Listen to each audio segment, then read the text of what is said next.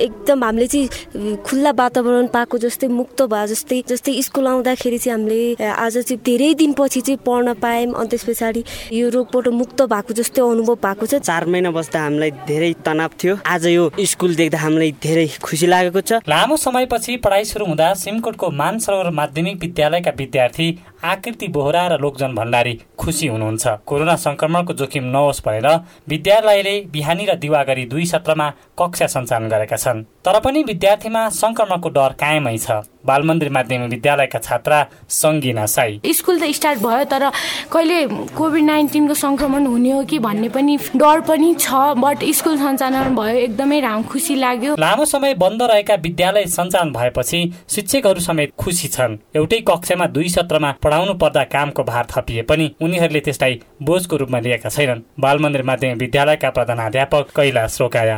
यो डर डरका बिचमा भए पनि ध्यानमा ऊर्जा आए जस्तो भएको छ कि? एकदमै अब यो पढाउने मन उत्साह छ। तथापि हामीलाई अब कस्तो समस्या झेल्नु परेको छ भने सबै विद्यार्थी भाइ बहिनीहरू एउटै क्लासमा राखेर हामी टन्न भरि राखेर पढाउँथ्यौँ।